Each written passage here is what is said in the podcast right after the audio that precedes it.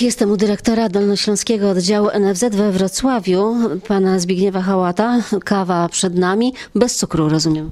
No z cukrem ja sobie nie odmawiam, pomimo przeciwwskazań.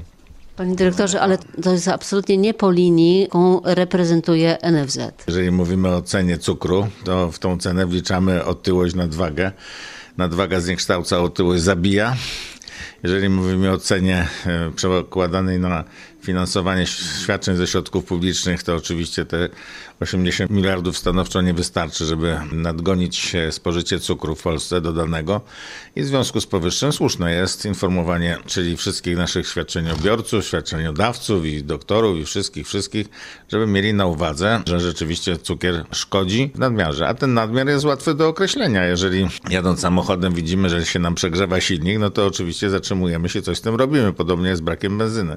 A tutaj, jeżeli widzimy, że tyjemy, że przekracza nasz wskaźnik masy ciała, ciała 24,9 dochodzi do 25, to znaczy, że w tym momencie popadamy w nadwagę, a po 3,30 w, w otyłość, a ta już właśnie zabija. Zabija z takich powodów dość nagłych niestety, jak udar czy zawał serca i o tym trzeba pamiętać, że zanim się zamęczymy chorobą przewlekłą, to, no to może się tak zdarzyć, że nie, nie dociągniemy do tego czasu, będziemy musieli wcześniej zostawić bliskich e, nieutulonych w żalu. To nie są żarty, ponieważ robiono badania pokazujące wpływ e, zwiększonego cukru we krwi, czyli poziomu glukozy we krwi na czczo. W dużym takim dość badaniu Arteusz i okazało się, że ogromna część Polaków w wieku 60 lat już ma podniesiony poziom cukru, już powinna być e, na leczeniu co najmniej dietetycznym i że w najbliższym czasie rozwinie choroby układu krążenia, a też i nowotwory.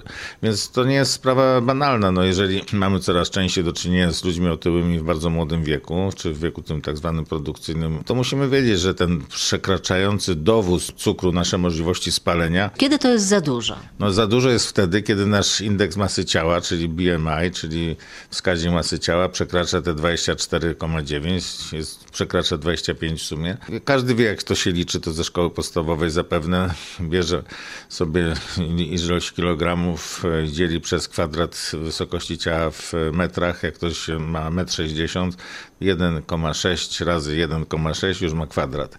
No wcale to nie jest takie proste. To można też sobie wpisać w internecie, jak ktoś, przecież większość ma dostęp z Państwa do komórki, z internetem, czy do laptopa i tam sobie wpisać, wylicz mi indeks masy ciała i to wszystko jest oczywiste. I w tym momencie, jeżeli widzimy, że przekracza, no to się zastanawiamy, jak możemy to spalić. No możemy spalać to za pieniądze, na przykład pracując jako górnik i wtedy musimy spalić 4,5 tysiąca kilokalorii na dobę. Ta praca górnika to jest 450 gdzieś na godzinę kilokalorii. Ale jak siedzimy przy biurku? A jak siedzimy przy biurku, to mężczyzna spala powiedzmy te 2800, kobieta 2300 i jeżeli je za górnika, a spala za urzędnika, to się kończy otyłością niestety i w związku z tym zgonem. I dlatego liczymy teraz łyżeczki cukru do, dodanego, bo to jest takie najłatwiejsze, co możemy sobie policzyć, bo jak bierzemy pączka, to my nie wiemy, że ta e, kaloryczność, te 250-300 kilokalorii pochodzi z tłuszczu tam smażonego, wchłoniętego przez tą nieszczęsną masę pączka, czy z lukru, czy też z cukru dodanego w łyżeczkach. Jeżeli ten pączek nie jest taki łatwy do kontrolowania, a do spalenia trudny, no to na pewno możemy kontrolować liczbę e, łyżeczek wsypywanych do herbaty, kawy, czy tego cukru, co stoi właśnie w I tutaj mamy normy e, takie, które są rozbieżne, można powiedzieć, jeżeli chodzi o autorytety. Jeden autorytet jest bardziej korzystny dla grubasów. E, to jest autorytet tych, którzy stworzyli wskazania zdrowotne, dietetyczne w Stanach Zjednoczonych najnowsze i tam się okazuje, że 10% kaloryczności powinny te cukry proste za, za, za, zabezpieczać. No to już jest dużo więcej niż na przykład to, co e, głosi amerykańskie Towarzystwo Serca, które uważa, że należy najwyżej słodzić tych e, no, 9 łyżeczek dla mężczyzny, 6 łyżeczek dla kobiety, czy łyżeczki dla dziecka. No to już ktoś powie, że to jest katowanie dziecka, które przecież kocha słodycz i babcia, dziadek zawsze coś poczęstują młodego człowieka słodyczą jakąś, czy też wypieki i tak dalej.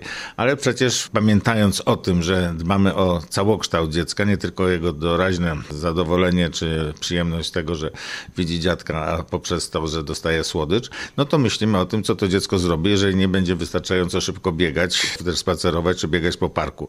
Jeżeli dziecko przy, przyczepimy do komputera siłą e, nawyku, to wtedy zdajemy sobie sprawę, że ono nie jest w stanie spalić. I mamy takiego, taką małą ofiarę naszej przecukrzonej miłości w domu i się zastanawiamy, jak się, jak się pozbyć tych wszystkich nieszczęść, które się wiążą z otyłością już w wieku dziecięcym, a co dopiero w późniejszym wieku. Cukier ten taki biały w cukierniczce dosypywany do herbaty czy kawy, to widać i łatwo policzyć, ale przecież cukier jest jeszcze w wielu innych produktach, choćby w słynnych, e, podawanych często dzieciom serkach, napojach. We wszystkim jest, e, dosładzamy wszystko. Taka pani profesor Baryłko Pikielna, no, sławny organoleptyk z dawnych czasów, nie tak dawno, sprzed, sprzed kilkudziesięciu lat, zawsze pokazywała na wykładach małpkę, i niemowlę. Małą małpkę i niemowlę i na języczek jednej i drugiej e, e, e, postaci dawano w kropelkach sól albo cukier. No i na tą sól to się krzywiły małpki niemowlęta ludzkie, a na słodycz się uśmiechały, można powiedzieć, ten wyraz zadowolenia był. Czyli jest potrzeba wrodzona słodzenia. Jest potrzeba wrodzona i teraz tutaj wchodzimy z, o, tej, o takiej prostej biologii, wchodzimy w pewne moralne dylematy i sobie musimy zdać sprawę, że siła woli polega na tym, że odrzucamy pokusy, a po to, żeby zrealizować jakiś dalekosiężny cel. Jeżeli przekraczamy pewne zdroworozsądkowe normy, to oczywiście sobie już hodujemy od pacjenta czy też świadczeniobiorcę systemu. I dlatego też uważam, że wszystko, co można zrobić dziecku, to dać mu jak najwięcej ruchu, a jak najmniej słodyczy. Podobnie, e, jeżeli to dziecko wejdzie w okres taki, kiedy samo decyduje, jeżeli nie ma wykształconej, silnej woli, jeżeli pozwalamy na to, że przekraczamy dozwoloną godzinę pójścia do łóżka albo siedzenia przed telewizorem, nie daj Boże, no to wtedy sobie też hodujemy takiego, który nie potrafi się opanować i nie ma własnych hamulców.